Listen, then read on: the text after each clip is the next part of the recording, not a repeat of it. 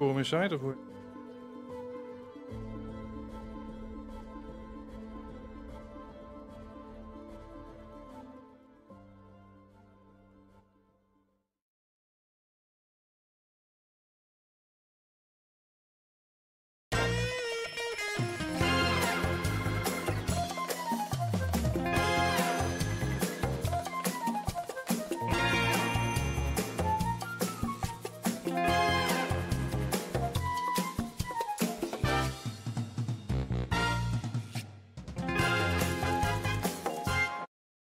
goedenavond jongens, live vanuit Amsterdam hier in de Forum Inside Studio met Marcel Lewis.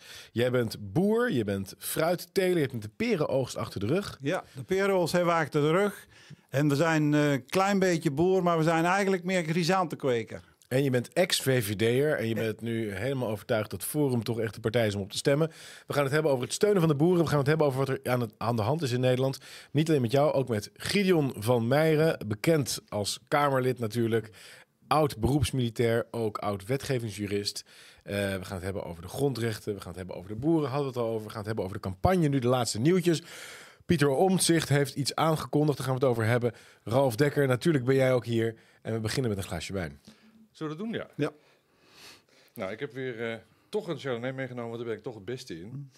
Weer de Chardonnay van Ranke uit de Pfalz. Ja, heerlijk is die. Ja, ja, ja, ja Ralf drinkt gewoon altijd hetzelfde. Altijd Chardonnay. Ja. Nou, nee, ik ben wel iets meer gaan variëren, naar aanleiding van jouw opmerkingen. Maar ja, dit is toch wel een, uh, ja, gouden ouwe eigenlijk, wat mij betreft. Ja, Ralf, heerlijk. We gaan, we gaan never change a winning team, zou ik maar zeggen. Precies.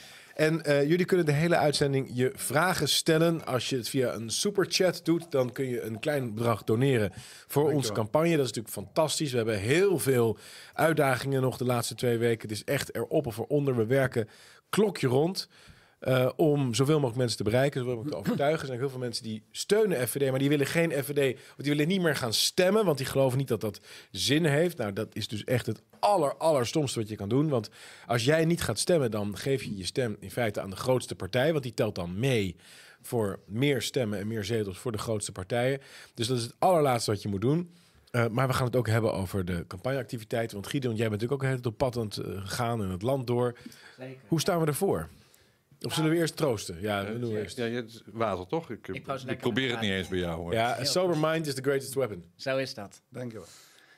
Nee, volgens mij zijn we heel lekker bezig op alle plekken waar ik kom. Ik krijg heel veel positieve reacties. Een aantal leuke podcasts opgenomen weer uh, afgelopen weken. Uh, morgen komt er eentje online. En uh, nou ja, ik heb echt het idee dat het uh, begint te bruisen, het begint te leven. Mensen zijn enthousiast. Dus uh, ja, als ik de reacties op straat en social media kan vertrouwen, dan gaan we een heel mooi resultaat neerzetten. We zijn zo aan het groeien, Marcel. Nou, dat denk ik ook. Bij mij komen zondagsmorgens altijd een groep vrienden. En die vrienden waren gedeelte van, die stemden BBB. En die zijn nu teruggegaan naar Forum. En wat is dan voor hen het belangrijkste argument? Nou, het belangrijkste argument is dat BBB in de provincie niet waarmaakt wat ze beloofd hebben. Ja. En ze zien gewoon dat het, uh, ja, het wordt twee jaar uitgesteld, maar daarna gaat het toch gebeuren, die stikstofregels. Nou ja, twee jaar uitstellen heb je niks aan. En hoe kijkt jouw omgeving naar Pieter Omtzigt? Nou, Pieter Omtzigt, ik hoor niemand die erop stemt. Ik geloof ook helemaal niks van dat ze 30 zetels gaan halen. Ik denk dat ze er maar 10 of 12 gaan halen. Ja, wat BBB betreft is het niet alleen zo dat ze niet waarmaken wat ze beloofd hebben, maar in veel provincies zelfs het tegenovergestelde doen van wat ze beloofd hebben. In uh, Brabant heeft BBB nu aangekondigd dat ze toch woningen willen bouwen op landbouwgrond, terwijl ze hadden beloofd dat niet te doen. In Zuid-Holland is al een wethouder van BBB geweest die heeft gezegd dat we toch echt wel de stikstofdoelstellingen moeten gaan halen. Dus ja, als je liever wil uh, meedoen dan winnen en kosten wat kost wil meebesturen overal en daarvoor je principes gaat verlogenen, dan is het uh, begrijpelijk dat je daarvoor wordt afgestraft. En ik denk dat dat nu gaat gebeuren. Nou ja, dat is logisch dat ze dan naar uh, Forum toe komen. Ja, want waarom is het zo, waarom is het zo belangrijk om Forum te stemmen, Ralf? nou ja, Forum is eigenlijk de enige partij die het echt anders wil. En als je nu kijkt naar al die voorspellingen, van wie wordt er groot, wordt er klein, wat komt er dan voor coalitie, want iedereen denkt nog steeds in de meerderheidscoalitie natuurlijk dan wordt het gewoon gegarandeerd, als je dat zo laat gaan, meer van hetzelfde. Hè? Wat accentverschillen misschien. En ik begrijp werkelijk niet, er is een hele, ja, toch een, een, een wanhoop in Nederland van het moet echt anders. Dat je dan als, als kiezer niet anders gaat stemmen. Het doet me een beetje denken aan wat, wat Trump in de tijd zei. Hè, van, what do you have to lose? Hè, zei hij op een gegeven moment. En ik vond het wel een sterk argument. Het is misschien een beetje een raar argument. Maar als je zegt van ja, deze regering was helemaal niks. En die partij is helemaal niks waarom zeg je dan niet van, nou weet je wat, dan ga ik eens het heel anders proberen. Maar dat is toch blijkbaar een enorme stap uit de hoofd, hoofdstroom of zo. kijk, weet je, je hebt op een gegeven moment Noam, Chomsky, dat is zo'n Italia, van Amerikaanse Italiaans, Amerikaanse filosoof. Hè? En die zei: De truc is om een heel levend debat te hebben over een heel klein deelonderwerpje. Dus als je het hebt over de inrichting van deze ruimte bijvoorbeeld, dat, het, gaat over het type thermostaat die we hier hebben hangen. En De ene nee, het moet een blauwe thermostaat zijn, nee, het moet een groene thermostaat zijn. En wij zeggen, jongens, zullen we het eerst eens hebben over de ruimte als zodanig? Hè? Wat willen we ermee? En dan zeggen ze, ja, maar jullie komen niet met oplossingen. Omdat ze, zij willen dat zo eh, beperkt houden. En dat geldt dus ook voor bijvoorbeeld de woningcrisis. De woningcrisis komt door twee dingen. Door het klimaatbeleid, waardoor alle woningcorporaties moeten verduurzamen. Waardoor ze driedubbele lage glas en warmtepompen en dit en dat, isolatie. En geen geld hebben om nieuwe woningen te bouwen. En door de immigratie, waardoor er enorme druk is op de woningen. Dat is de oorzaak van de woningcrisis. Ja, Daarom de kunnen stikstof, mensen... Hè? En de stikstof. Die... Ja, stikstof als... Ja, oké, het milieu denken dan. Als onderdeel van het klimaat bedoel Ja, je- ik dat. je mag nergens Klimaat, meer. Ja, stikstof, inderdaad. Het hele, het hele milieu denken en, eh, en de immigratie. Dat is gewoon de reden. En eh, alle mensen die dus nu geen woning kunnen vinden in Nederland... die kijken naar eh, omzicht en eh, dit en dat. En zeggen allemaal, nou, wij willen 11% voor de middeninkomens... en dan willen wij 15% voor die groep... En, en de andere zegt, nee, ik wil 14% voor die groep en 9% Ja, en de hamvraag is dan, heb je dat laten doorrekenen? En dan heb ik laten doorrekenen. en dan over De, de modellen, de acht vindagmodellen. jaar, dan hebben we zoveel procent opgelost. En het is allemaal geneuzel in de marge. Ja, toch, eh, hè, met Ja, permissie. Het Nou is ja, allemaal... Ze moeten de grote problemen die, die, die, die, Die- Forum benoemt, Daar willen ze het niet over hebben. daar willen ze het niet over hebben. Nou, de grote problemen pakken wij voor een geweldig goed aan, lijkt mij. Maar Marcel, jij bent boer. Je hebt je hele leven ja, letterlijk met je poten in de modder gestaan, in de klei. Wij, hebben 100%. ook, eh, wij werken ook samen. Niet iedereen weet dat, maar eh, eerlijk eten. Dus dat bedrijf, dat netwerk van boeren, dat stalt onder andere een deel van onze spullen bij jou. En ons netwerk van boeren hebben we ook voor deel via jou. Bijvoorbeeld onze appelboeren zijn Ralf en ik nog Ja. samen geweest. Ja. Hartstikke leuk. Eh, dus jij bent iemand die midden in de samenleving staat. Nou ja, ik sta midden in de samenleving. Heel mijn leven ben ik boer of agrariër geweest. En als ik kijk waar we met z'n allen in 75 jaar opgebouwd hebben, dan zijn we in vijf jaar gewoon aan de kloten aan het werken. Door Ja. alle onzinnige regelgeving die op u afkomt.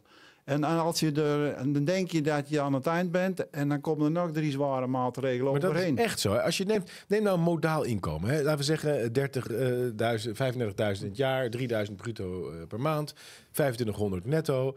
Dan betaal je, nou wat zal het zijn, eh, 1200 huur per maand, zoiets. Hou je 1300 euro over. Heb je afschrijving voor je auto, 125 euro. Je mensen houden die energierekening, netto loon is je, je zorg. De gemiddelde boodschappen zijn toch 75 à 100 euro per week. Ja. Gaat er allemaal af. Dan wil je nog een beetje sparen. Heb je nog iets van een vakantie. En dan nog een, een nieuw meubelstuk. En eh, ga, je, je hebt een lekker band. Ja, dan is je geld gewoon op. Juist. Maar dit is ook het Het grote leven is probleem. onbet- maar dit is ook het grote probleem in Nederland. De netto lonen moeten gewoon voor de mensen omhoog. Ja. Dan, dan hebben ze meer te besteden. Maar het- alles gaat op aan belastingen en, en dit is gewoon verschrikkelijk. ja, maar dat belasting, wat heel veel mensen denk ik niet zich realiseren... dat is dat het ook doorwerkt in bijvoorbeeld de prijs van de boodschappen. Dus, wat, dus dat klimaatbeleid, hè, dat, dat, dat krankzinnige idee van die terugdringen van CO2 en zo... dat werkt allemaal door in de kosten voor de energie. Het sluiten van eh, Groningen bijvoorbeeld. Dat- En een supermarkt die moet al zijn producten koelen. Dus die is meer geld kwijt. En nou, wie gaat uiteindelijk dat betalen bij de kassa? Dat is gewoon de burger die. Alle kosten worden doorberekend, dat is logisch. Tomaten en, en een beetje gehakt wil hebben. Ja, maar dit is natuurlijk, kijk, die boer. Dus uiteindelijk komt het toch bij de burger Ja, het is een terecht. visieuze cirkel. Mensen hebben niet in de gaten. Als alle kosten omhoog gaan, moeten die bedrijven ook de kosten doorberekenen. Anders hou je het niet vol. Dus Ja. uiteindelijk kom je in een visieuze cirkel van alleen maar omhoog. Maar dat is wat je... dus- Heel, heel veel journalisten die tuimelen daarin. Maar dan hoor je dus Jesse Klaver, maar ook eh, Frans Timmermans nu natuurlijk. En eh, Lilian Marijnissen. die zeggen allemaal, en D66 zegt het ook... we moeten de grote bedrijven belasten.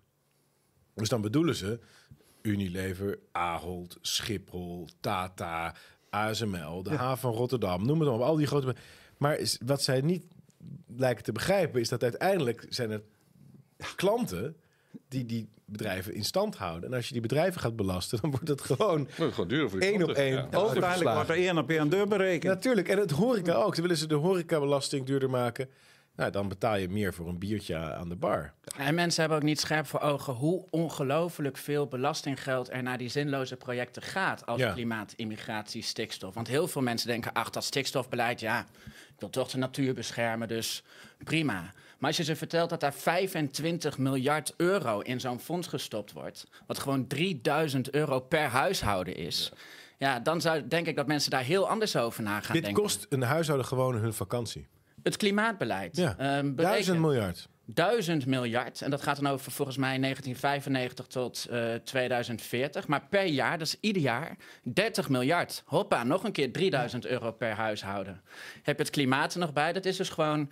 Daar zit je aan 10.000 tot tienduizenden euro's per huishouden. Dat gewoon wordt verspild aan Ik onzinproblemen. vind het ook En- zo ongelooflijk. We zouden De gewoon kunnen zwemmen jullie, in het eh, zeg maar eh, dertigers waren. Hè? Ja. Dus dan hebben we het over een jaar of dertig geleden. Was het mogelijk voor een, iemand met een no- normaal inkomen, een onderwijzer, iemand met een winkeltje, niet uit, eh, gewoon om een gezin te onderhouden? Nou, dan, Autootje voor de deur, je kon een woning kopen. Ja, in zijn eentje, hè? ja, in en- zijn eentje, ja. En, en twee kinderen. En, Ja. en gewoon. Vier kinderen. Eh, eh, gewoon Mijn vader leuk. was gewoon onderwijzer. Vier kinderen en wij leefden keurig. één keer per jaar op vakantie. eh autootje, eh, prima. Ja, maar dat is nu toch 124 ondenkbaar. Moet dan nou al met twee Maar mensen hoe voel jij je daarover, Ralf? Want jij hebt, het, jij hebt dus eigenlijk jij hebt het meegemaakt, een soort armoedeval in feite. Terwijl we een premier hebben gehad de afgelopen 13 jaar die alleen maar zei dat het zo gaaf was. Ja, maar het gaat natuurlijk heel beroofd. geleidelijk. Het gaat heel geleidelijk. En je kijkt natuurlijk vooral naar je eigen financiële situatie. Hè? Dat heb je ook veel bij die onderzoeken. Dan zeggen mensen, ja, het gaat met Nederland heel slecht. Met mij gelukkig wat beter, weet je wel. Die zijn dan dat heel erg aan het scheiden van elkaar. Ja. En na twintig jaar kijk je achterom en zeg je, verrek, maar het was twintig jaar geleden normaal dat een alleenverdiener een gezin onderhield. Eh, prima. En nu is dat gewoon godsonmogelijk. Dat, Ja. dat gaat gewoon niet meer. Ja, misschien als je echt in een hutje op de hei gaat zitten of zo, een heel sober leven, kan het nog net. Ja, oké, maar, de, Maar de, eh, de, de gemiddelde Nederlander zit echt krap bij kas. Ja. En dat komt door die grote projecten. Eh, we hebben ook uit laten rekenen. Dus een één asielzoeker kost gemiddeld in zijn hele leven, vanaf het moment dat hij naar Nederland komt tot het moment dat hij sterft, dan als hij een asiel krijgt in Nederland, gemiddeld 800.000 euro. Dus bijna een miljoen per asielzoeker. En dan hebben we het over de kosten om de taal te leren, heel, eh, criminaliteit in veel gevallen, ehm, woningdingen, eh, Uitkering in de meeste gevallen. Ja. Eh, Ja, ja. Mensen hebben vaak ook nog toch bepaalde psychologische problemen, andere moeilijkheden. Nou, alles bij elkaar. Medische complicaties. Ze komt er niet, niet, Niet designen. zelden dat er toch iets gebeurd is in dat land... waardoor mensen slechte gezondheid hebben, wat dan ook. Heel, heel sneu, daar gaat het niet om. Maar als je gewoon denkt, waar is onze welvaart gebleven? Dat is daar gebleven. Daar is het gebleven. Voor een heel groot deel wel, ja. En, en dan willen ze ons wijsmaken dat we daar nog eens even flink mee moeten doorgaan. Nieuwe oorlogen moeten steunen overal. En dat Nog kinderen meer allemaal geld transgender zijn. ja, nou, dat wordt allemaal betaald ook weer. Hè? Dat, Dat is, ook weer, ja. Maar ik vind ook te langer werken moet lonend worden. Als je kijkt dat het Alle gewoon mensen tegen 25 uur werkt of 40. Dat wordt gewoon helemaal niet, niet, niet die 15 uur, waar bijna, er verdiende bijna niks extra's. Dat, dat is helemaal niet lonend. Dus, Ja. dus dat is hopeloos. ja, je demotiveert eigenlijk Mensen. mensen, om hun best te doen. Ja, om, om een best te doen. En, en jij zit eh, de laatste keer, vond ik dat prachtig, dat je niet alleen rekening moet houden met mensen die helemaal in de achterhoede zitten, maar ook de middenklasse en, en mensen die stinkend de best doen, die moeten ook beloond worden. Maar wij vechten eigenlijk Voor tegen iedereen. het ongeloof, En het onrecht. het ongeloof van de mensen in het land dat het zoveel beter kan. Ik heb vaak het gevoel dat we zitten aan een tafel en hier staat een hele mooie grote slagroomtaart. Ja. En hier heb je wat kruimels oud droog brood liggen. En heel, heel Nederland zit over die kruimels droog brood. En, en Forum voor Democratie zegt: jongens, waarom eten jullie niet lekker een stukje taart? En de reactie is: ja, ik geloof niet dat die taart. Nee, dat, als dat zo goed was, dan hadden we het al wel gedaan. Nee, ja, nee, ik hou het bij het droge brood.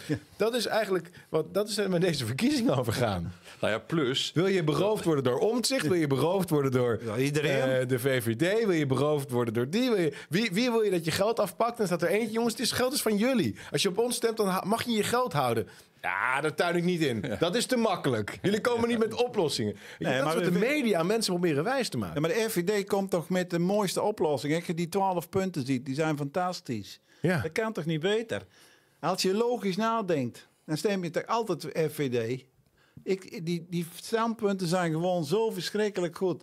En in Nederland is echt nog wat te redden, maar dan moet er enorm veel veranderen. Ja. Er is echt nog wat te redden. De gaskraan moet in Groningen open. Zo. Mensen moeten ruimhartig gecompenseerd worden. Maar het, het- er is echt nog wel te redden, maar er moet echt een omslag komen. Maar Gideon, wat zeg jij tegen mensen die niet willen gaan stemmen? Ja, die kom ik helaas wel tegen. Ehm, mijn eerste vraag is eigenlijk: waarom ga je niet stemmen? Want ik hoor verschillende redenen. Van de week nog werd ik op straat door een mevrouw aangesproken. Die zei: eh, Ja, leuk je te zien en eh, top wat jullie doen. En eh, zo blij mee. En wat, wat, wat ik denk, dat hoor ik jullie zeggen. En nou, ik was op weg naar een afspraak. Dus ik zei: ehm, Nou ja, leuk even gesproken hebben. Ik moet helaas verder. Maar fijn dat we op uw stem kunnen rekenen. En toen zei ze: Nee, ik ga niet stemmen hoor. Ik ga niet stemmen. Ik zeg, mevrouw, u heeft net gezegd dat u zo blij bent met wat wij doen en u gaat niet stemmen. Nee, want dan legitimeer ik het systeem, was haar ehm, opmerking, haar reden. En die hoor ik ook vaker. Terwijl, naar mijn mening, het tegenovergestelde het geval is. Ja. Als je niet gaat stemmen, dan legitimeer je het systeem. Als je niet gaat stemmen, dan wordt dat zo opgevat als... ach, die mensen die vinden het schijnbaar allemaal wel prima wat Lage gebeurt. opkomst betekent tevreden bevolking. Ja, Dat is wat ze geloven. ja. Mensen hebben het allemaal zo goed. En mensen dus- realiseren zich ook niet, als je niet gaat stemmen, dat die niet-stem dan betekent dat de stem voor het systeem dubbel telt. Zij dat. weten niet dat als je niet stemt, dat het ten goede komt aan de grootste partij. Ja, het totaal aantal stemmen is kleiner. Dus het aantal stemmen dat nodig is voor één zetel is, ook kleiner. kleiner. Dus Dus, dan het kan systeem krijgt meer zetels. Ja, dan is 60.000 stemmen is weer één zetel voor de VVD. Terwijl als al die mensen wel zouden gaan stemmen... dan zou de VVD misschien wel 70 of 80.000 stemmen nodig hebben. Voor Ik zie dat Schu- eh, Suus heeft gezegd: Ik eet geregeld met mijn buurman uit de Eerlijk Etenbox. Bevalt fantastisch. Marcel, eh, wij werken samen met Eerlijk Eten. Jij ziet er meer van dan ik, want jij ziet het op elke dagelijkse basis. En ik Ja. ben natuurlijk alleen maar één keer in de week of zo eventjes om te kijken. Maar een Nieuwsuur had er nogal wat vragen over, zag ik. Dat klopt. Maar als ik kijk eh de eerlijk eten, daar wordt eh, veelal gekocht of bijna alles bij Veilingzalbommel. Nou, dat is allemaal plaatselijk geteeld. En eh, dat kan niet beter. Kijk, en er zal best een keer een product wat in die box zit, wat uit het buitenland komt. Dat zal altijd een keer, want mensen willen niet altijd hetzelfde eten. Dus je zult best een keer wat in het buitenland kopen. Maar de rest van de producten komen allemaal midden uit de Betuwe. Ja. Dat weet ik 100% zeker, want ik zie het gewoon. Jij kent die mensen, jij ik loopt daarmee Ik ken die eh, mensen rond. en ik zie het gewoon in de koelcel staan bij mij. Nou, want het zijn allemaal eh, Nederlands geteelde producten. Die eh, op een duurzame manier en perfecte manier geteeld zijn. En helpen wij de boeren daar ook echt mee? Ja, natuurlijk help je ermee, want die boeren die voeren het aan in, bij Veilingzalbommel.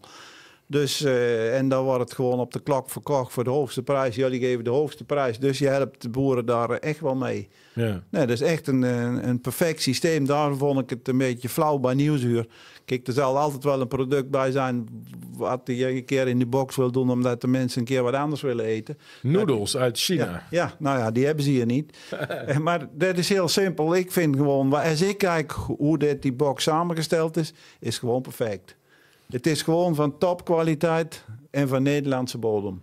Wat een journalistiek ook, hè? Dan heb je dus een lijsttrekker van een oppositiepartij die een, een heel mooi verkiezingsprogramma heeft gepresenteerd. en dan Volstrekt ga je als ook, onderzoeksjournaliste ga je een, een maand lang of zo dat, dat abonnement nemen. En dan vind je een keer een zakje noedels en dan denk je, we hebben hem. Ja, We hebben is hem te zo pakken. Nou, grappig. Eens ik even vind- van meneer Baudet, u wilt dit, waarom wilt u dat? Ligt die plannen eens toe en ga er maar lekker kritisch op invragen. Nee hoor, we hebben een zakje Japanse noedels Juist, gevonden. of daar nou in. Nederland Ja. om, om gaat. Ongelooflijk. Onderzoeksjournalistiek. Ja, maar wat nog grappiger was, was dat ik diverse columns zag van de, de definitieve ontmaskering van FVD. En eh, hij ging eh, nat op de noedels. En, eh, slaat zag helemaal de angst in nergens zijn ogen. je zag de angst in zijn ogen. Ja, ja, Ja, ja. maar het is toch gewoon hopeloos dat je zo probeert een land vooruit te helpen. Dat kan toch niet?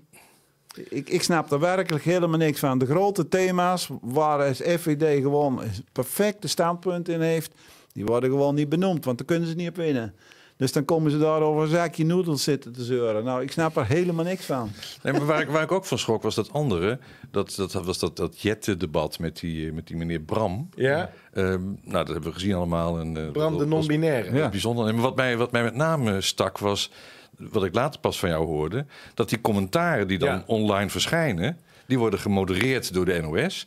En die gooien dus alle pro-Thierry commentaren er meteen uit. Ja, Ja. meteen eruit. Ja. Ja. En we dat- hebben dat gescreenshot. We Dat is echt niet te geloven. We wilden die ook nog wel online zetten.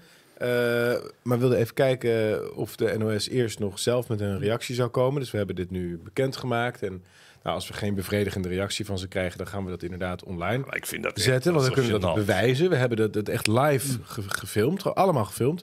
En dan zie je dus dat er komt van... eh, het, ehm, eh, Rob Jetten is een sukkel. Dat wordt dan weggehaald. En dan zeggen ze, ja, dat is haatdragend. Maar daaronder staat, Thierry Baudet is een mogol. En die blijft staan. Ja. dat is slecht genoeg. En dan zeggen ze, ja, maar dit is ook mensenwerk, weet je. Het is ook mensenwerk. Ja. Kan ik er iets tussen glippen? ja, het is hilarisch eigenlijk. En dat vind ik ook wel heel mooi aan deze campagne. Ik vind campagnes zijn altijd momenten dat er in Nederland een bepaald soort verhoogde aandacht is voor de politiek. Hè, vanzelfsprekend, mensen hebben debatten. Mensen vragen zich af, wat ga je stemmen? En het is altijd weer een soort bewustwordingsslag die we maken.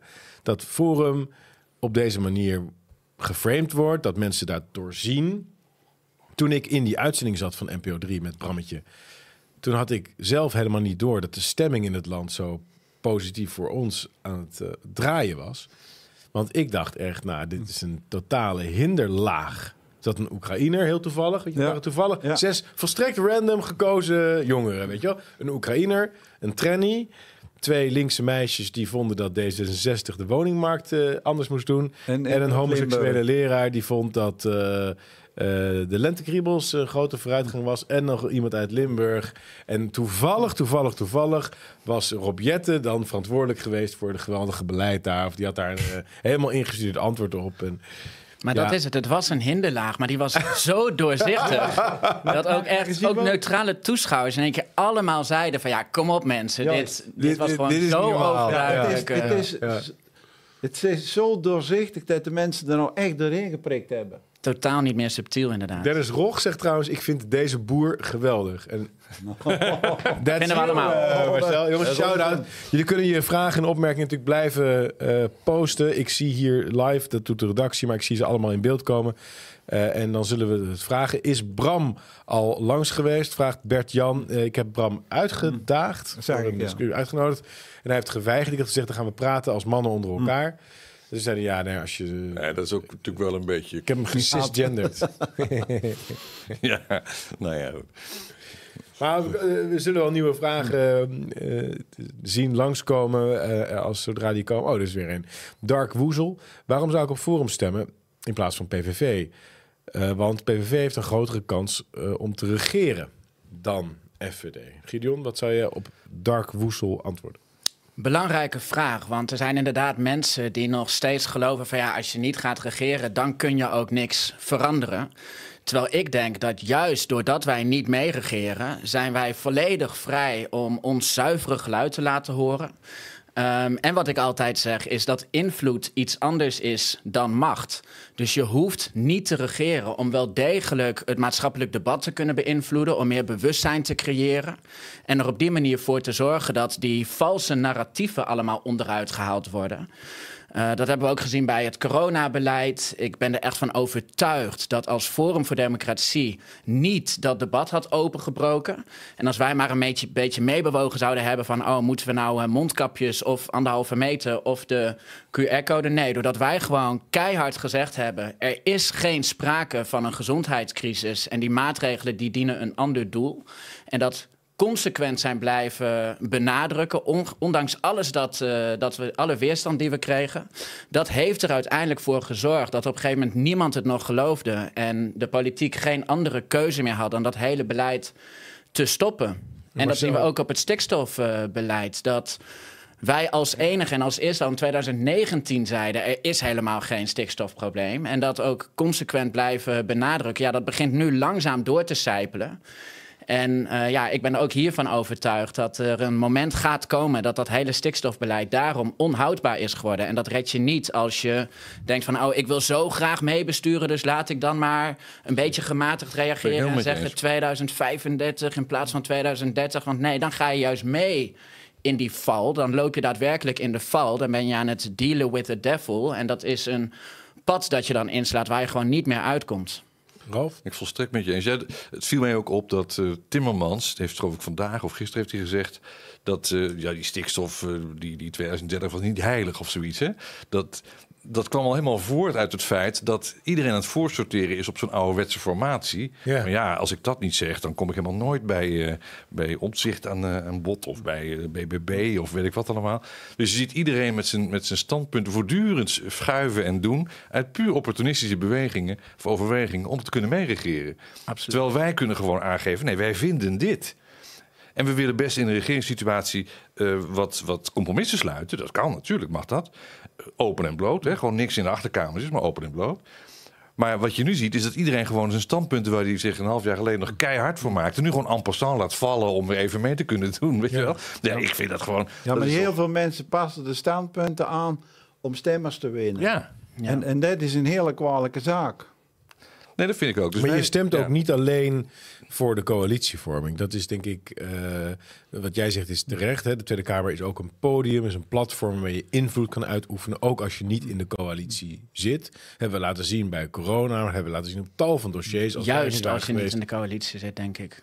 Juist als je niet in de coalitie zit, kun je invloed uitoefenen. Ja. En, en het WEF en Klaus Schwab en zo, niemand in Nederland heeft ervan afgeweten. Maar wij doen ook nog veel meer dan alleen maar in die Tweede Kamer ons verhaal vertellen. Wij doen ook de maatschappelijke beweging. Wij zorgen ervoor dat wij nu al concrete verandering brengen in het land. Via onze school bijvoorbeeld. Uh, via ons netwerk van boeren waar we het over hadden. Via het, onze events in het land. Internationale vertakkingen. Wij, wij doen ontzettend veel. En uiteindelijk gaat dat ook een enorm effect hebben op de samenleving. Dus het is niet alleen maar puur uh, dat je één minister kan leveren. Ja, leuk, gefeliciteerd. En dan mag je de rest van de vier jaar je mond houden, want anders dan word je de coalitie uitgegooid. Nee, je stemt om het geluid gewoon volop te laten horen en druk te zetten. En ze kunnen niet meer overal mee wegkomen. Hoe, hoe is dat in jouw omgeving, Marcel? Zeggen, zeggen mensen ook van ja, we moeten gaan voor de grootste partij? Of snappen de mensen in jouw omgeving ook wel dat, dat het. Nou ja, je, je moet niet strategisch stemmen is heel onstrategisch. Nou, dat is heel onstrategisch. Ja. Maar je moet het wel goed aan de mensen uitleggen. Als je het niet goed uitlegt, zoals jullie dat uitleggen. Nou ja, eerst, in eerste instantie dacht ik ook, je moet maar een beetje mee en dan, dan proberen macht uit te oefenen. Maar zoals jullie het uitleggen, begrijp ik best dat Gideon, dat je zegt, je moet gewoon tot hier en niet verder. Want als je constant meebeweegt, ja, op het laatst geef je alles toe. Dat is ook wat je ziet, want zij zeggen steeds... Ehm, er is een heel groot probleem, bijvoorbeeld een klimaatprobleem... en daarom moeten we zoveel maatregelen treffen. En van die partijen die zichzelf dan oppositiepartijen noemen... als BBB, Omzicht, Ja21... die denken dan, nou ja, die zien volgens mij het probleem ook niet echt. Maar die denken dan, we willen toch redelijk overkomen. Dus laten we maar een beetje gematigd reageren. Laten en dan komen we er vijf jaar langer over doen. En dan komen ze ergens in het midden uit. En dan vervolgens zegt ze, ja, nee, maar die klimaatcrisis is nog erger dan verwacht. En we moeten nog meer maatregelen nemen. En dan gaan ze weer onderhandelen, ga je weer een stapje verder. En dan zit je dus in die fuik. En volgens mij is echt de enige manier om hier uit te komen... door echt keihard te blijven zeggen dat die problemen allemaal gecreëerd zijn... om andere doelen te bewerkstelligen. Ja, en ik kijk, de eerste dacht ik het ook, maar je hebt 100% gelijk in die standpunten. Je moet gewoon zeggen dat hier en niet verder. Want anders stap je constant, dan stap je verder... en op het laatst ga je gewoon constant mee. En dan kom je nergens. Maar hoe kijken jouw uh, collega's, jouw omgeving op het platteland, in de Betuwe, andere plekken, nou naar deze situatie? Want zij weten, het zijn boeren, het zijn verstandige mensen, dat die hele stikstof verhalen, dat het allemaal onzin is. Ze weten dat die klimaatverhalen onzin zijn. Nou ja, maar, Denken zij ook dat, dat je radicaal moet stemmen om dit te veranderen? Of gaan sommige Als sommige mensen die gaan radicaal stemmen, of althans als die radicaal, die gaan verstandig stemmen, die gaan voor hem stemmen. Maar er zijn ook nog mensen die, die, die, die geloven die, die, die media. Ja. Worden, die mensen worden een beetje gebrainwashed. En, en hoe krijgen we die mensen meer op het standpunt en hoe krijgen we het forumgeluid meer onder de mensen? Als die mensen daar meer hoorden, dan was ik ervan overtuigd dat er veel meer mensen naar Forum gingen. Maar een hoop mensen die, die, die denken, oh, ze zullen toch nog wel een beetje gelijk hebben van die stikstof. Maar het is gewoon pure onzin. Heel die stikstof is een gecreëerd probleem. En die klimaat, het slaat helemaal nergens op. Er is geen verandering. En is er iets verandering? Nou ja, hoe kan het klimaat nou in vijf jaar veranderen? Dat kan toch helemaal niet? Dan, dan, dan was het over 100 jaar wa- was 300 graden heet. Maar dat is Ja. helemaal niet. Dat is gewoon onzin. Mensen slaan gewoon helemaal door. En als je kijkt daar in Limburg, joh, dat is gewoon een grote bui geweest. Nou, Ja. en, en net waar je zegt, de irrigatiesystemen waren niet goed en de sluizen stonden verkeerd. Maar, maar voor de rest is daar in Limburg is er gewoon een probleem geweest om het water van de berg gelopen naar het dal. Nou ja, dat kan gebeuren met een bui. Ja. Maar dat heeft niks met klimaat te maken. Dat kan gewoon overal gebeuren. Jullie kennen natuurlijk allemaal wel dat sprookje van de nieuwe kleren van de keizer. Hè? En het is pas eh, later in mijn leven, dus nu zeg maar, geworden dat ik eh, ben gaan inzien wat een Dat is waanzinnig- geniaal, hè? Dat Wil- jij het verhaal even vertellen, eh, Ralf? Misschien heeft niet iedereen die dit programma ziet het helemaal voor helder voor Nee, ogen. is dat, dat, was, dat was een classic in mijn jeugd. De kleren van de keizer. Eh, Dus op een gegeven moment is er een keizer, een machtige keizer. En die is vreselijk ijdel. Dus die laat ze... Wie heeft het ook weer? Hans Christian Andersen? Is dat eh, de auteur? ja. Ik weet niet helemaal zeker, maar... Of de, ja, dat is- ik denk het wel. Maar die, hè, die koning is natuurlijk, is natuurlijk almachtig. En die, die laat allerlei eh, kleermakers komen, weet ik wat. Om zijn allerbeste kleding te laten maken. Want hij, hij wil gewoon het mooiste, de mooiste kleding die er bestaat met de hele wereld wil hij hebben. En uiteindelijk zijn er een paar kleermakers van ver gekomen. Die zijn gespecialiseerd in hele fijne, hele zachte en hele speciale stoffen. En die gaan aan de gang. En die, die stof is zo zacht, zo rank, zo fijn. Die, die voel je niet eens. Hè. Dus dat is echt fantastisch. Dus die is wel hartstikke duur, maar die mensen zijn bezig daar met elkaar. En dat is zo fijn dat je. Sommige mensen kunnen het niet eens zien, zo fijn is het. Eh, alleen mensen die ja, gevoel hebben voor de kwaliteit en een beetje hè, die dat soort, dat soort dingen op waarde kunnen schatten, die kunnen die kleding wel goed zien. Dus die koning die, ja, die is ook bij, die is geweldig onder de indruk van die kerels. Die verhalen zijn fantastisch. En ook de hele hofhouding zegt van, dat is wel heel, heel want ja, iedereen kan het natuurlijk zien. Hè? Dat zijn mensen van klasse, dus die, die kunnen dat eh, heel goed zien. Dus die, ja, iedereen die een beetje iets voorstelt, die kan zien dat dat topspul is. Dus die, ja, die koning wordt uiteindelijk gekleed door die mensen en zo. Eh, en eerlijk gezegd kan hij het zelf niet zo goed zien, die kleding. Maar ja, dat, eh, hij doet het natuurlijk ook. voor- Ja, hij is natuurlijk eh, gewoon de, de noblesse oblige. Hè? Dus hij was helemaal de, de topman. Dus hij kon had de klas om het wel te zien. Ja. Hij durfde niet toe te geven. Nee, en uiteindelijk bleek dat dus één grote scam te zijn. Er was helemaal niks. En hij, nou, hij paradeerde door de stad. En iedereen van, ja, want iedereen kent dat verhaal ook. Van als je het niet kan zien, dan ben je gewoon, dan deug je niet. Dan heb je het niet begrepen. Tot er een jongetje op een gegeven moment roept van, de, koning is naakt. En toen werd het spel gebroken als het ware. En dacht iedereen, eh, verrek, maar heeft gelijk. Er zijn helemaal geen kleren. Nou, dat is, dat is dan de metafoor van de, van de, de kleren van de keizer. Eh, en dat is zo ongelooflijk herkenbaar. Want het klimaatprobleem is precies hetzelfde. Eh, eh, alleen de wetenschappers van, van standing, die, die snappen hoe het werkt. De wetenschappers die, die de standing niet hebben, die niet geaccrediteerd zijn, die tellen niet mee. Maar die zeggen, ja, maar ik heb hier een meting en zo. Ah, dat, hoeveel heb je gepubliceerd dan? Ja, niks, want de wet is gepubliceerd. Zie je wel? Dat gewoon niet mee. En zo, dus dat hele fenomeen eh, dat je mensen massaal kunt bedotten door, door in te spelen op hun ijdelheid of om Angst om om uit de groep. angst om uit de groep, precies. Hè, dat, het cancelen. Dat, was, dat is daar eh, ja, prachtig in beeld gebracht. Ja. En dat, ja, dat verhaal is echt, ik vind het een volstrekt geniaal verhaal. Want het is één op één van toepassing op de stikstofflauwekul, de klimaatflauwekul. Ja, op, op alle grote alles. thema's. De LGB, wat dacht je van binaire, non-binaire mensen? Ja, Dat- je bent, een, je bent een sukkel als je niet gelooft. Dus ik was, ik was, zeg maar, ik was dat jongetje dat zei... de keizer heeft geen Ja. kleren bij de NPO. Ik zei, ja, maar ben je nou een man of een vrouw? Ik snap het niet. En niemand had eigenlijk de... Nou, behalve driekwart van de kijkers. Hè? Ja, die zijn het ermee eens. Want die- dat zagen. Natuurlijk. Wauw, yes. Eindelijk iemand die het zegt. Ja, eindelijk iemand die het... Maar de, de diepte van dat sprookje van de nieuwe kleren van de keizer... is mij dus pas op, op latere leeftijd eigenlijk duidelijk geworden. Toen ik ging zien hoeveel maatschappelijke processen aaneenhangen van ijdelheid, van angst van mensen om buiten de groep geplaatst te worden. En eh, er gaan mensen weg. Marcel. Even naar de wc. Oh, dan gaan we even wat vragen doen. Hoe komt het dat FVD opeens weer een podium krijgt op tv na lange tijd te zijn gedemoniseerd? Ja, dat is wel bijzonder eigenlijk. Hè? We kunnen nu eindelijk weer eens een keer het publiek bereiken vanwege de verkiezingen. Dan moeten ze ons wel een podium geven. Ja, ze dat, hebben dan eh, een serie van oh, we nodigen alle lijsttrekkers uit. Dus als ze dan Thierry niet uitnodigen, dan wordt het wel heel doorzichtig.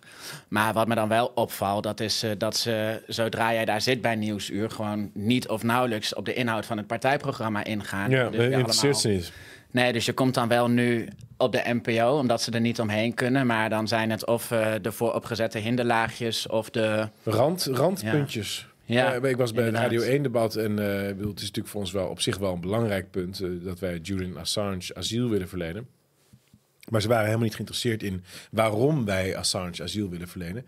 Maar ze waren geïnteresseerd in eh, wat zij dan zelf vonden een grote tegenstelling. Hè? Echt een enorme tegenstelling. Wij willen een asiel- en immigratiestop, enerzijds. Er komen nu honderdduizend mensen netto per jaar Nederland binnen. We willen dat stop. Maar aan de andere kant willen we Julian Assange asiel verlenen.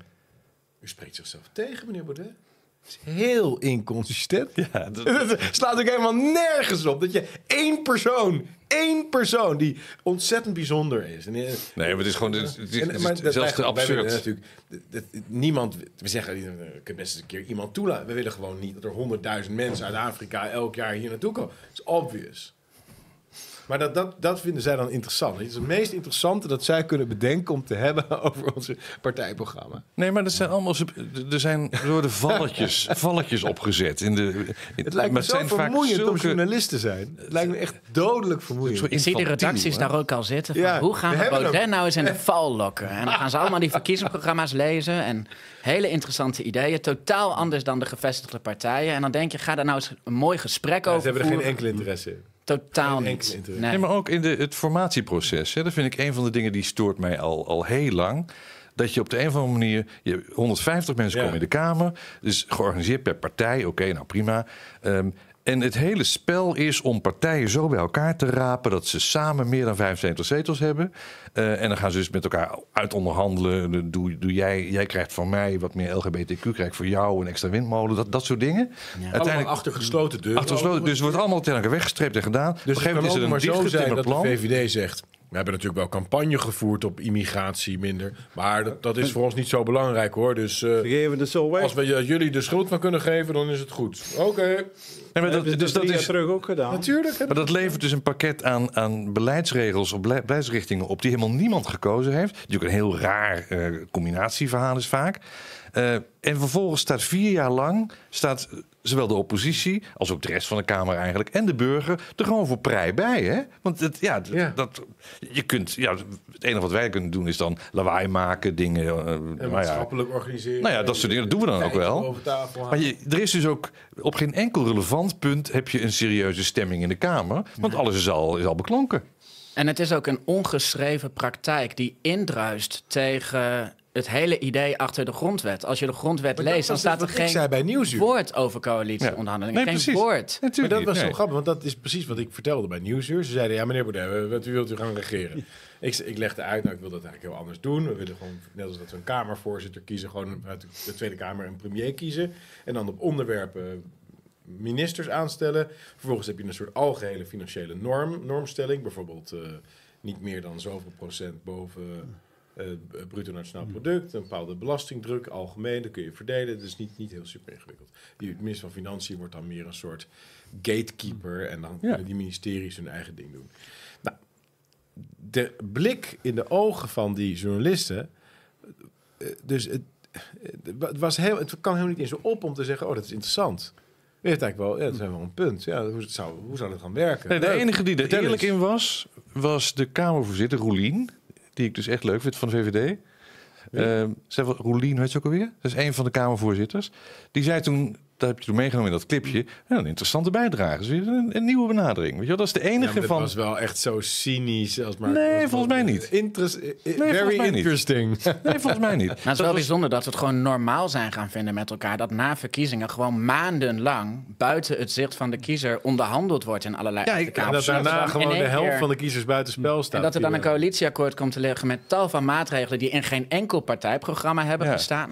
Waar geen debat meer over mogelijk is. Want nee, dit is in het coalitieakkoord afgesproken. En het coalitieakkoord is heilig. Ja. Elk debat dat we voeren, dan weet ik om eh, zes uur s'avonds van... nou ja, dit wordt weer een latertje tot twee of drie uur s'nachts. Maar niks dat iets aan de stemming gaat veranderen. Je weet van tevoren al wat er gestemd gaat worden. weer komt? Nee. Ja. Ja, En dan toch, als je met zo'n heel logisch verhaal komt... wat ook volledig in lijn is met de grondwet... dan eh, Met ja, de bedoeling niemand van die het erop Huis van ingaat. Ja, nee, precies. Het is echt verschrikkelijk. En, maar het wordt dus, eh, kijk dat de mensen het niet oppikken, omdat ze gewend zijn om in die partijlijnen te denken, de mensen van de politiek, en tot daar aan toe. Maar dat ook geen enkele journalist zegt van, is toch eigenlijk wel interessant, wat vindt u ervan, meneer? eh, hè, dat je de verschillende partijen daarmee confronteert. Ja. Van, dat gebeurt gewoon niet. Nee, maar dus nog één ding over het nieuwsuur dan. Want dat hadden ze dan ook gevonden. Hè, dus van al onze ideeën en voorstellen hadden ze dan ontdekt dat wij zijn dan tegen bepaalde dominante trends in de financiële wereld. Maar de nummer vijf op onze lijst, te weten Ralf Dekker, die hier zit, Ja, mijn bij wekelijkse Rabobank Forum gewerkt. Side partner. nou, die heeft een topfunctie gehad bij de Rabobank. Hoe kan dat? Nou, dat kan natuurlijk heel goed, Ralf. Logisch. maar wat is, nee, hij, hij kent het van binnenuit. Ja, dus hij weet, weet als geen ander hoe die bank in elkaar. Natuurlijk. Nee, maar dat is toch wel. Je moet wel wakker zijn als die vragen gesteld worden. Ze zijn zo absurd. Ja. Ik vond het op zich goed dat je dat onmiddellijk eh, als antwoord gaf. Nou, ik ik was zei, volstrekt mee eens. Omdat hij het, wij, wij zijn allemaal mensen die hebben van binnenuit gezien hoe het, hoe het fout gaat. Ja. En daarom kunnen we zo'n goede kritiek leveren. Ja, maar zo, zulke Maar- vraag, dat is zo'n infantiele vraag. Dat je denkt, van, Totaal infantiel. wat moet ik hiermee? Ja, maar die, al die vragen zijn erop gebaseerd om te laten struikelen. Ja, maar dat het is zo. meer- Maar Het is, minder, het is meer dan dat. Ze struikelen, oké. Dat, is, dat, dat is waar. Maar er zit ook iets in van ehm, struikelen op, op, op lulligheden. Ja, op hele kleine dingen. Kijk, als je hele grote fouten maakt, ja, dan is terecht dat je struikelt. Maar gewoon op zulke kleine lullige dingen, dingen die niets nutten, gewoon proberen mensen te vangen. Net als de eerlijk eten. En ook zo was? Van dus, die, die, dus ze hebben dan sinds 2017 hebben ze onze parlementaire debatten. Nou, kijk, Theo Hiddema, leuke vent, maar was nou niet het meest actieve Kamerlid dat we ooit hebben gehad. Dus feitelijk zat ik vier jaar lang eh, in principe min of meer alleen in die Kamer. Nou, eh, als je dat allemaal optelt, heb, je, heb ik eigenlijk een hele goede track record. Ik heb heel veel debatten gedaan. Maar eh dat hebben ze dan allemaal opgeteld, komen ze uit op 550 debatten of zo in x jaar. Terwijl SGP had er dan 1500 zoveel. Dus eh, de drie keer zoveel. Maar dus los van het feit dat het een oneerlijke vergelijking is. SGP had drie volledig actieve Kamerleden die fulltime Kamerdebatten deden. Terwijl eh, Theo en, en trouwens ook ik, wij, wij deden ook andere dingen ernaast. Maar met name ook Theo deed, deed niet onwijs veel debatten. Wat ik hem helemaal niet verwijt, hoor, daar gaat het helemaal niet om. Maar dit was gewoon een andere constellatie. Maar dat is dan een argument. En dan zeg ik ja, eh, hoezo gaan we dat kwantificeren? Hoezo is de kwaliteit van je bijdrage af te lezen aan hoeveel debatten je hebt gevoerd? Of hoe, lang, hoe lange spreektijd je hebt aangevraagd? Dat doen ze ook, hè? Je krijgt dan in totaal krijg je bijvoorbeeld anderhalf uur spreektijd... en dan mag je zelf verdelen over vier debatten. En de meeste partijen maken dat helemaal op, tot op de minuut, die tijd. En wij zeggen wel eens, nou, we hebben al een uur genoeg. Dat half uurtje, dat... eh, Laat maar zitten. en dan zeggen ze, ja, maar Forum eh, maakt zijn tijd niet op. Alsof dat de waarde van je bijdrage bepaalt. Ja, er staan ook van die Dat vinden- lijstjes dat- op dat vinden ze dan een van wie is belang- nou het beste Kamerlid? En dat is puur en alleen gebaseerd op hoeveel moties heb je ingediend, hoeveel amendementen, hoeveel schriftelijke vragen heb je gesteld. Dus als je bovenaan in dat lijstje wil komen, dan moet je gewoon iedere ochtend eh, op, op in de Kamer komen en denken, nou, ik ga nu even een setje schriftelijke vragen stellen, ik dien even een motie in en een amendement. Ja, Dan knal je naar boven. En als je denkt van, hé, hey, we worden hier met een kluitje in het riet gestuurd. Het heeft geen enkele zin om die vragen te stellen, want je krijgt toch geen antwoord. Dus ik ga zelf op zoek naar de antwoorden. Ja. Ik ga er een docu over maken of een boek over schrijven. Ik ga zelf onderzoeken hoe het zit. Eh, ja, dat wordt natuurlijk niet meegenomen. Dus kijken puur en alleen naar kwantiteit. En eh, ja, dat is en toch ik moet zeggen, ik, als je een hele dag in zo'n kamer zit bij een debat, ik heb dat eh, ook een paar maanden gedaan, maar ook bij de provincie maak ik dat mee. Inderdaad, bijna iedereen kletst zijn spreektijd vol. Hè? Ja. Eh, en er is maar zelden een bijdrage waarvan je denkt... hé, hey, dat is interessant, dat heb ik niet zo gezien. Dus je zit daar eindeloos te luisteren. Daarom zou ik ook voor geen goud minister worden. Want die moeten er helemaal bij blijven zitten. Hè? Die zien dus de een na de ander dezelfde platitudes debiteren. Dat gaat maar door. En dat is gewoon 11 uur, 12 uur. Hè? Dat is tot diep in de nacht vergaderd. Ja, vergaderd. Gewoon, mensen zijn eindeloos met die, met die monologen bezig geweest. Die geen enkele inhoud hebben. Ja. Ja, het is wel even wennen, hoor, moet ik zeggen. Overigens, jullie kunnen nog steeds je vragen stellen. Als je vragen hebt, dan zullen we ze hier behandelen. Dan de redactie zal ze dan voor ons klaarzetten. Dus stel vooral je vragen hieronder, dan gaan we die bespreken. Gideon, eh, veel mensen eh, hebben naar jouw debat gekeken met Hugo de Jonge.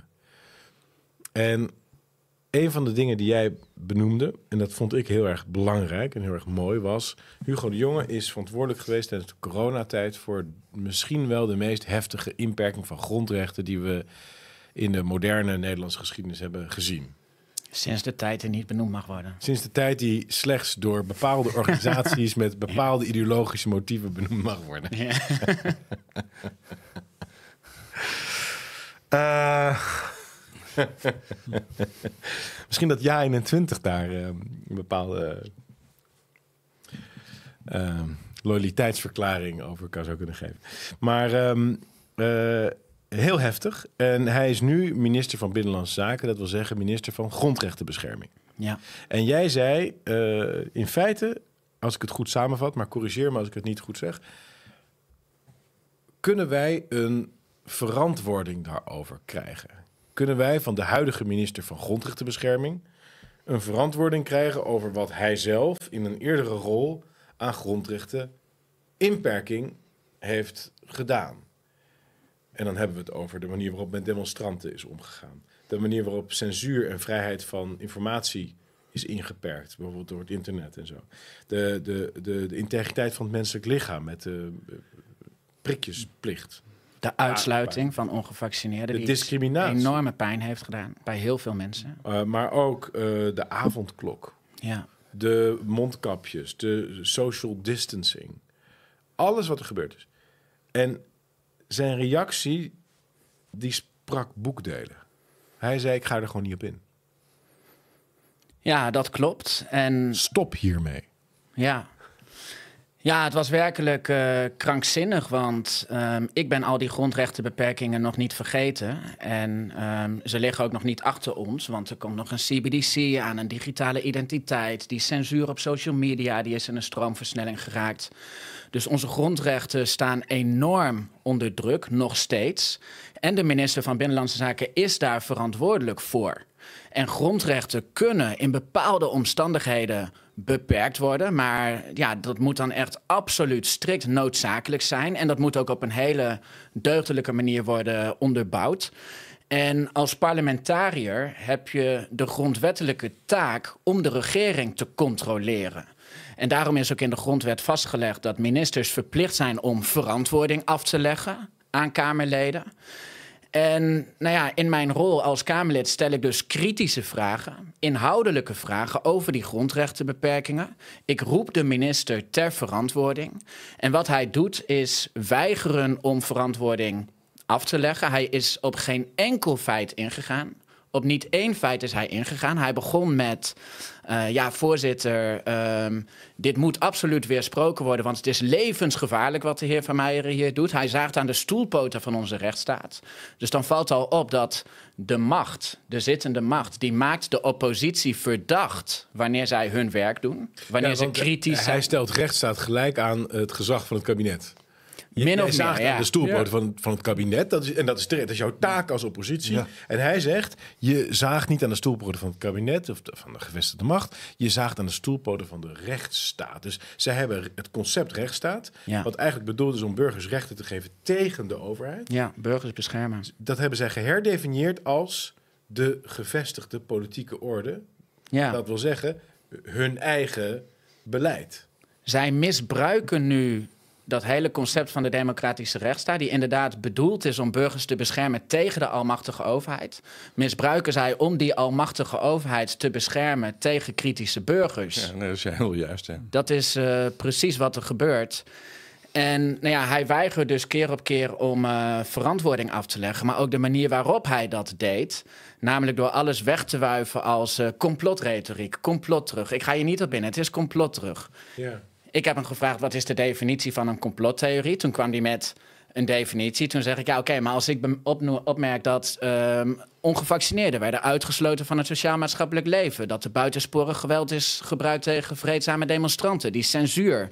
Wat ik allemaal feitelijk ontbouwd heb. Wat is dan een complottheorie? Ja, voorzitter, ik ga je niet op in. Het is gewoon een complottheorie. Stop hiermee. Stop maar ik begrijp dan dus niet, want ik, ik stond er ook met, met commentaar naar te kijken, dat er niemand anders van de oppositie zegt van ja, voorzitter, kom maar, dit, dit, dit kan toch niet? Hier moet toch, het wordt gewoon niet gedaan. Er is hè? ook helemaal geen andere oppositie. Sorry dat ik het zo uh, zeg, maar wij zijn de niet-coalitie. Ja, maar uh, ook al zijn ze niet coalitie, er is helemaal geen echte oppositie. Nee, dat, dat lijkt dus tegen ja. het coronabeleid niet. We zijn nee. gewoon de, echt de enige partij. Maar ook op andere gebieden, jongens.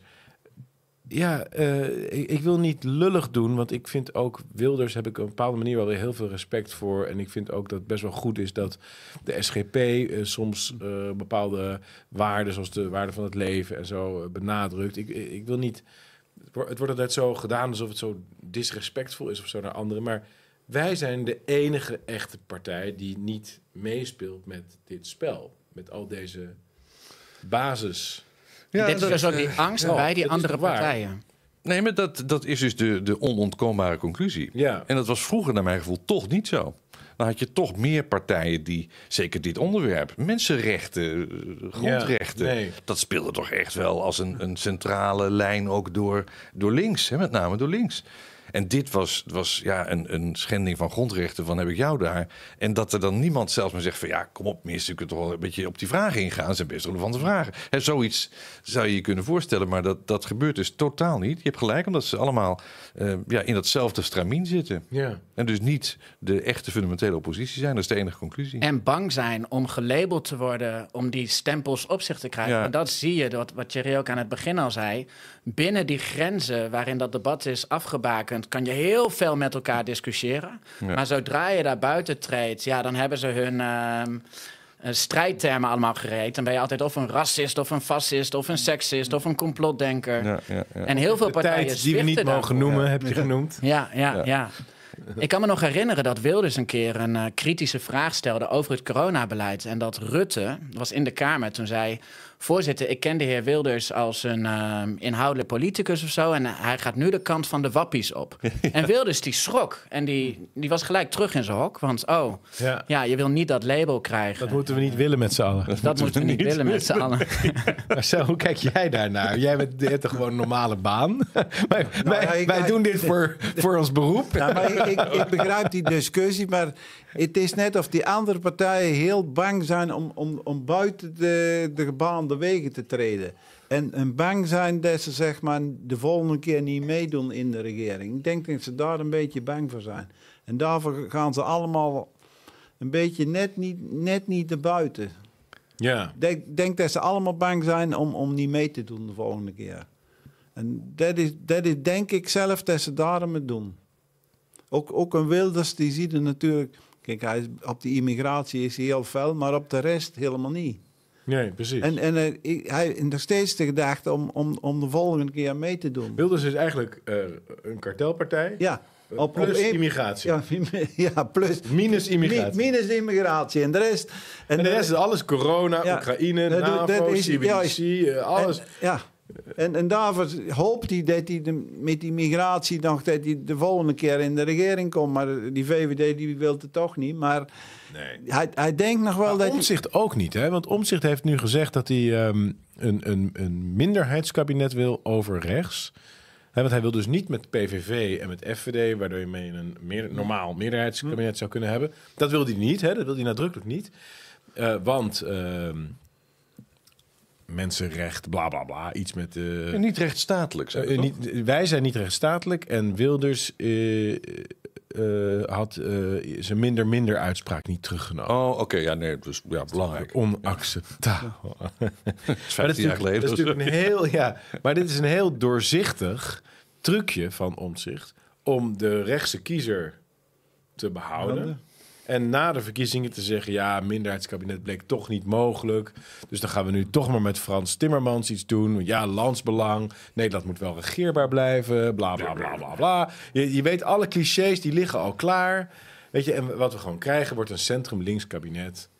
En, eh, en al die Nederlanders die zijn er weer Ingetuind. Dat is met een voetbalwedstrijd Ja. tegen Duitsland. Je zijn we er weer ingetuind. Ja, ik ken ook de premierkandidaat. spel. De premierkandidaat van, eh van Omtzigt, die ken ik. Vertel, Dat is Timmermans. leg uit. Nou ja, Omtzigt wil zelf geen premier worden. Hij zit nou een beetje met rechts te stoeien, maar eigenlijk wil hij gewoon over links. En dan gaat hij met Timmermans samen. Timmermans heeft al een paar dingen losgelaten. Hè? Die, die, die stikstofnormen en zo, een beetje, een beetje prutsen. Eh, en dan kan hij met Timmermans samen. En Timmermans is natuurlijk een, ja, een premierkandidaat. Sterker nog, als Timmermans geen premier wordt, gaat hij volgens mij weer weg. Oh ja. Die blijft dan niet lang zitten. Gaat zeker niet in de Kamer zitten. Nee. Dus Nee, ver hij beneden zijn stand. Van Buitenlandse Zaken of zo, maar Kamerlid gaat hij echt Nou, was- zou hij dat worden? Minister van Buitenlandse Zaken? Zou je dat willen? Nou, ik denk hij zal zeker geen Kamerlid worden. Hij, wil- Nee. hij zit hier om premier te worden, Ja, maar precies. ehm, hij wil sowieso blijven besturen. Maar hij heeft natuurlijk met Omtzigt gesproken. Ze hebben uitgebreid eh, met elkaar gedebatteerd, tussen aanhalingstekens. En vastgesteld dat ze eigenlijk heel dicht bij elkaar liggen. Heel dichtbij. Ja. Eh, dus ik vond dat al een, een gelopen race. En deze laatste uiting van Omtzigt, van nou, ik wil misschien wel over rechts, zie ik, Schijnbeweging. zie ik meer als een, als een paaibeweging inderdaad. Om niet meteen alle rechtskiezers te verliezen. Maar het, het is natuurlijk een hele logische, ja, een marriage made in heaven zou ik bijna En zeggen. je moet ook hè? gewoon naar het programma kijken. Dus Omtzigt onderschrijft de, klimaat, de gedachte van een klimaatcrisis. De klimaatcrisishypothese. Hij onderschrijft dat Nederland een structurele demografische transformatie moet doormaken. Want hij wil 50.000 mensen netto Netto. per jaar Binnen. hierheen halen. Dat betekent dus dat je, als je daarmee doorgaat, dat je over 10 jaar... Een eh, half miljoen. ja, nee, dat is, ja, dat is de immigratie puur. Ja, Maar die mensen hebben gezinshereniging. Die mensen krijgen allemaal kinderen. ook nog. Over tien jaar, als je gewoon met het huidige beleid doorgaat, bovendien, het is netto, hè, 50.000 netto. Dus dat betekent minus de Nederlanders die weggaan. En dat worden er betekent steeds meer. 100.000 mensen per jaar erbij. Dan over tien jaar bestaat Nederland gewoon niet meer. En Omzicht vindt dat helemaal niet erg. Want hij is gewoon een voorstander van de... eh, ja, de mag dat, dat, dat ene woord ook niet meer zeggen. maar de, de structurele De demografie. replacement migration. Replacement migration. Hij is een voorstander van de EU. Hij is een voorstander van de NAVO-oorlog tegen Rusland. Hij is een voorstander van eh, CBDC. Hij wil dat er een CO2-tax komt. Er is gewoon een- SDG's, hè? eh, de- de Sustainable Development eh, Goals, het ja. World Economic Forum is hij voor. Dus over stikstofregels gelooft hij in. Dus eh, eh, eh, er is helemaal niets ideologisch anders aan hem dan aan al die andere clubs. Het is puur en alleen een ander gezicht, een, iets andere stijl. Hij heeft natuurlijk een, slachtofferschap. Dat vinden Nederlanders fantastisch. Hè? Ja. Hij heeft een burn-out gehad. Wauw. Ja. Maar hoe mooier kun je het hebben dat je op iemand kan stemmen die een burn-out Burn-out heeft gehad hè? Juist. Hè? Dat is iemand die is echt zielig. Daar kun je Maar, maar ik denk, stemmen. hij, als hij direct weer premier wordt, dat hij het weer krijgt. Ja, nou, Nee, wordt ongetwijfeld. geen premier. Nee, nee, Nee, dat wordt Nee, maar Renske. Jongens, we hebben een superchat. Swirly Girly. 2 euro. Wat betekenen de schilderijen achter Ralf? Marcel en Gideon, jullie kunnen naar kijken. Wat zien jullie? Er is maar één schilderij eigenlijk, maar... Ja, ik zie een eh, schilderij met een eh, prachtig lijkt eh, Nederlands landschap zoals dat eruit zag voordat het werd volgebouwd met megawindturbines. We zien hier nog de klassieke windmolens. En ehm, daar rechts, daar zie ik nog een, ja, een soort schilderij van een, een uil. Zou de van Minerva misschien kunnen zijn? Ja, dit is een schilderij van mijn oma. Eh, mijn oma was schilderes. En eh, dit is inderdaad het Nederland van wel eer. Thierry, ga je meedoen aan de grote tv-debatten? Vraagt Hollandia. Ehm, helaas niet, want eh, wij eh, worden daar niet voor uitgenodigd. We zijn niet groot genoeg in de peilingen. En dan mag je daaraan niet meedoen. Dat vind ik wel jammer. Maar het is wat het is. Ja, dat waren de peilingen met de peildatum 1 oktober of zoiets. Ja. Ja, we zijn nu heel erg aan het stijgen. En ik denk dat wij de grote verrassing worden van de verkiezingen. Maar eh, dat werkt dus niet door in de debatten. Charles Ernest vraagt: waarom ontbreken de laatste afleveringen op Spotify? Dat weet ik niet, Charles. Maar ik denk dat nu ik dit uitspreek, dat de redactie dit gaat fixen. Want kennelijk is daar iets misgegaan. Oh, dat ook niet. Hoe houden we het World Health Organization verdrag tegen, zegt Jaap Schaap. En daarmee bedoelt hij waarschijnlijk het verdrag dat inmiddels al ondertekend is, dat eh, Nederland eh, helemaal vastklinkt aan de Wereldgezondheidsorganisatie om pandemieën uit te roepen. Gideon. Ja, hele belangrijke vraag. Want je ziet dat de World Health Organization ook weer zo'n globalistische organisatie is die steeds meer macht naar zich toetrekt. En het hele coronaschandaal wordt nu aangegrepen voor een uh, hele ingrijpende verdragswijziging, waardoor de World Health Organization straks kan bepalen wanneer sprake is van een pandemie. Omdat het natuurlijk heel belangrijk is dat alle landen dezelfde maatregelen gaan nemen. Ik weet dat uh, Pepijn van Houwelingen zich hier al helemaal in vastgebeten heeft. En ook al voor elkaar gekregen heeft dat er nu een, um, ja, een blok opgezet is. Dus dat uh, de Nederlandse regering daar in ieder geval niet mee akkoord mag gaan tot na de verkiezingen. Maar uh, ja, grote kans dat het dadelijk toch uh, doorgedrukt zal worden. Dus aan ons de taak om ons daar tegen, blijven, tegen te blijven verzetten. En waarom wij ook oproepen om de World Health Organization en al die verdragen om, om, om daar uit te treden. Ja, ja precies. Jordan Levy vraagt: wat is jullie prognose qua zetels? Ja, ik denk dat wij. Uh, ik zal het, wat denk jij? Ik denk dat we tien zetels kunnen halen. Dat denk ik ook. Zeker, ja, absoluut. We worden eigenlijk altijd hm. ondergepeld. Ik geloof dat voor de laatste verkiezingen stonden we in die peilingen, wat peilingen dat nog waard zijn, uh, stonden we ook op uh, vijf of zes en toen haalden we er acht. en nu zien we dat er ook een uh, stijging is ingezet. Dus ik heb het gevoel dat wij nu op het juiste moment het momentum krijgen en een heel mooi resultaat neer gaan zetten. Ja, timing is of the essence. Hè? Je ja. ziet het bij de BBB is, heeft te vroeg gepiekt, zou je kunnen zeggen. Ik denk dat dat voor omzicht ook geldt, eerlijk gezegd. Maar dat, die zit wat dichter bij de, de closing date. Hè? Ja. Uh, en wij gaan nu pieken. Dus hoe, waar dat op, op uit gaat komen, ja. Zes, zeven, acht, ja, tien vind ik wel heel veel, maar het zou kunnen. De niet-stemmers. Er zijn zoveel mensen in Nederland die onze ideeën steunen. Maar die moeten ook daadwerkelijk gaan stemmen. En dat is... Moeten we overhalen. Ja, die moeten echt gaan stemmen. Veel mensen willen niet meer stemmen, die, die uh, geloven er niet meer in. Nee, er zijn echt een paar geluiden stemmen. die dat voortdurend prediken inderdaad. Hè? Van, uh, dat heeft toch geen zin en ik, uh, ik doe niet meer mee en dat soort dingen. En daar hebben we over gehad. Het is, het is natuurlijk het, het sukkeligste wat je kunt doen, want dan weet je zeker dat het verkeerd gaat. Ja, de, de, ja ik, snap dat, ik snap die redenering eigenlijk niet. Nee, nee. Um, ja, ik, uh, ik blijf het zeggen, jongens. Als jullie nog vragen hebben, uh, blijf ze stellen. Als die binnenkomen, kom er vooral mee. Ik zie er weer in binnenkomen. Milan Stegeman. Hoe kijken jullie naar een partij als SP... die altijd kritisch durft te kijken naar de EU en de euro... maar zich ook hard heeft gemaakt voor? En dan valt de tekst weg. Ik weet niet wat de vraag is, maar zich ook hard heeft gemaakt voor... Ik weet niet wat de vraag is. maar hoe kijken wij naar de SP en uh, voor zover de SP eurokritisch is? Nou ja, ik vind de SP die stond naar mijn gevoel uh, enige tijd geleden toch relatief dicht bij ons op een aantal van die onderwerpen. Maar die zijn, veel, die zijn zich steeds meer gaan verbinden met al die modieuze dingen.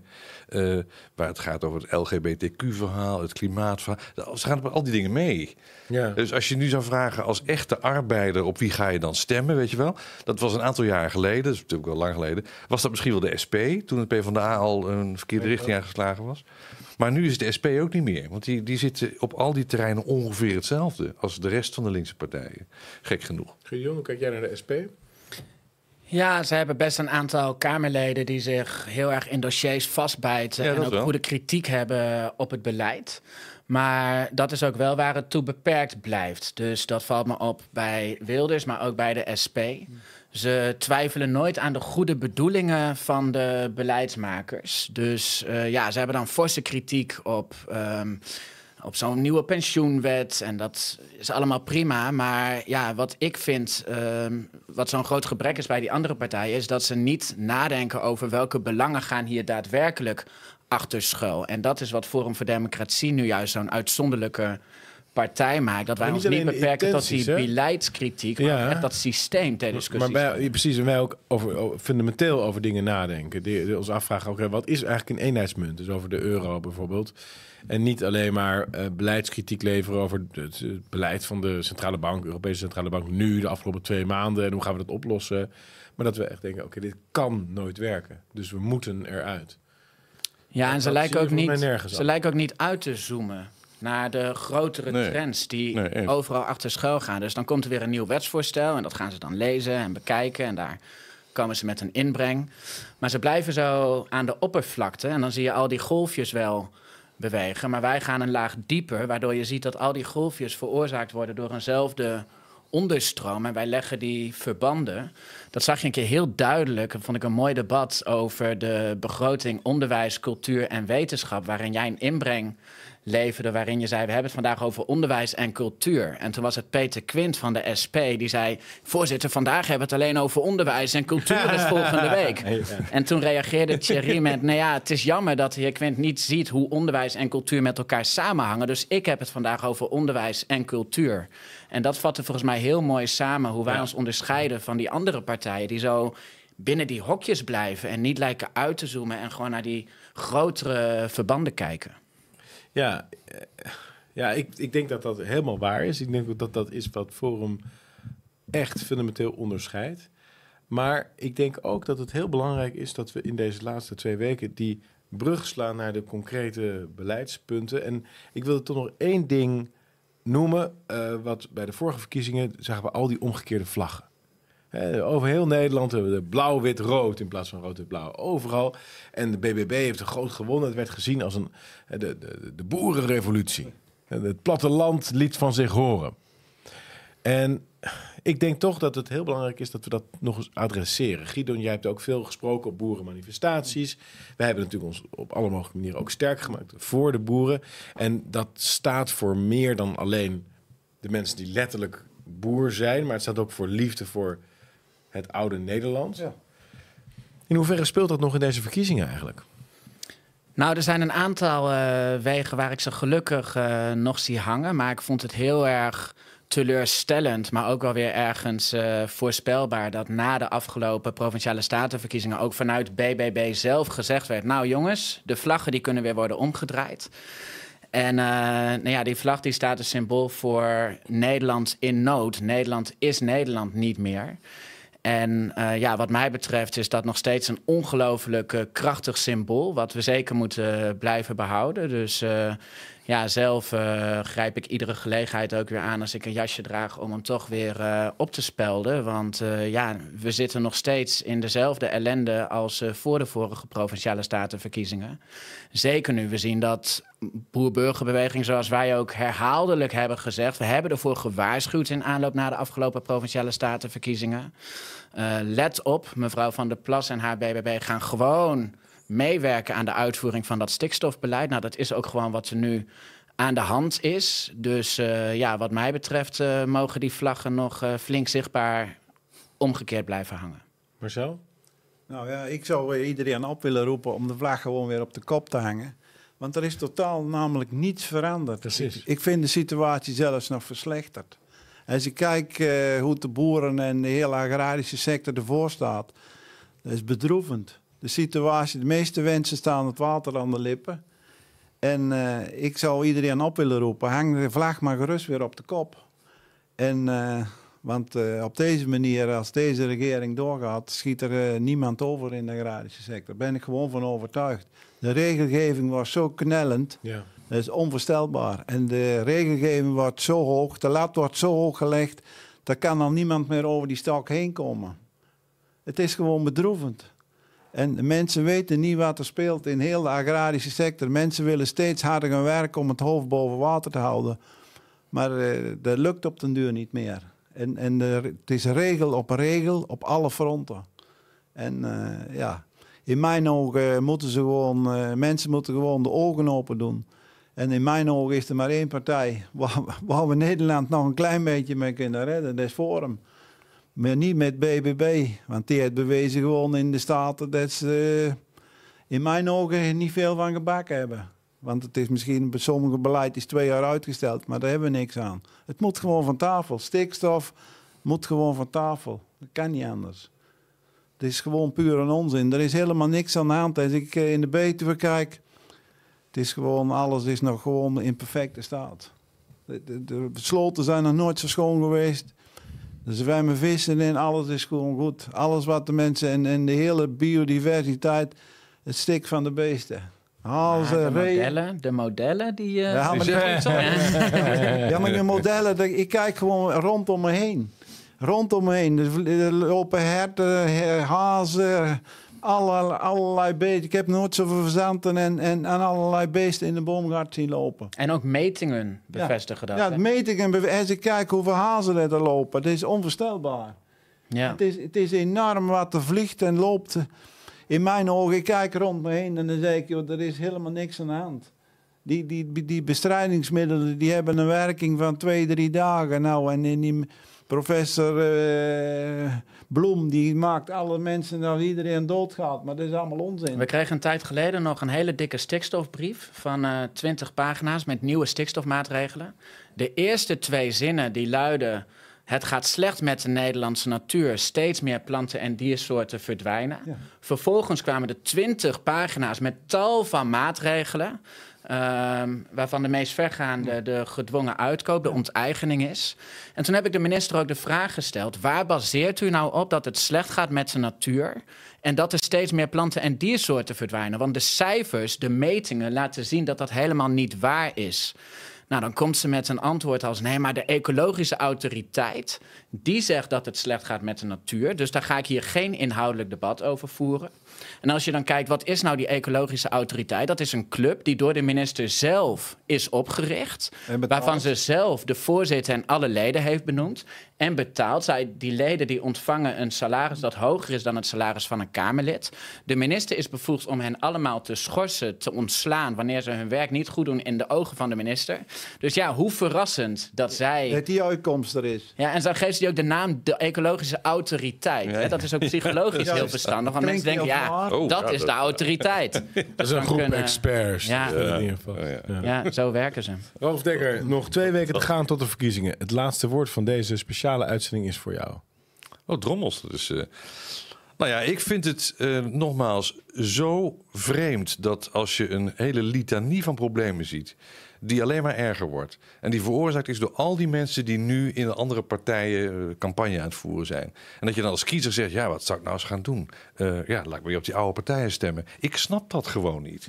En ik zeg dan van, Ga in vredesnaam wat anders proberen. De mensen die verstandige taal uitspreken, ga die nou eens aan de, aan de zetels helpen.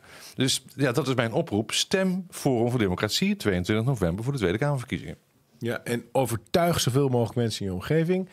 En nodig ze uit, als ze niet willen stemmen, om jou een volmacht te volmachtigen. Zeg ik dat goed? Is dat goed taalkundig Nederlands? Te volmachtigen. Ja. Te volmachtigen. Ja, twee, maximaal Je twee. kan twee volmachten ontvangen, dus je kan door twee mensen gevolmachtigd worden.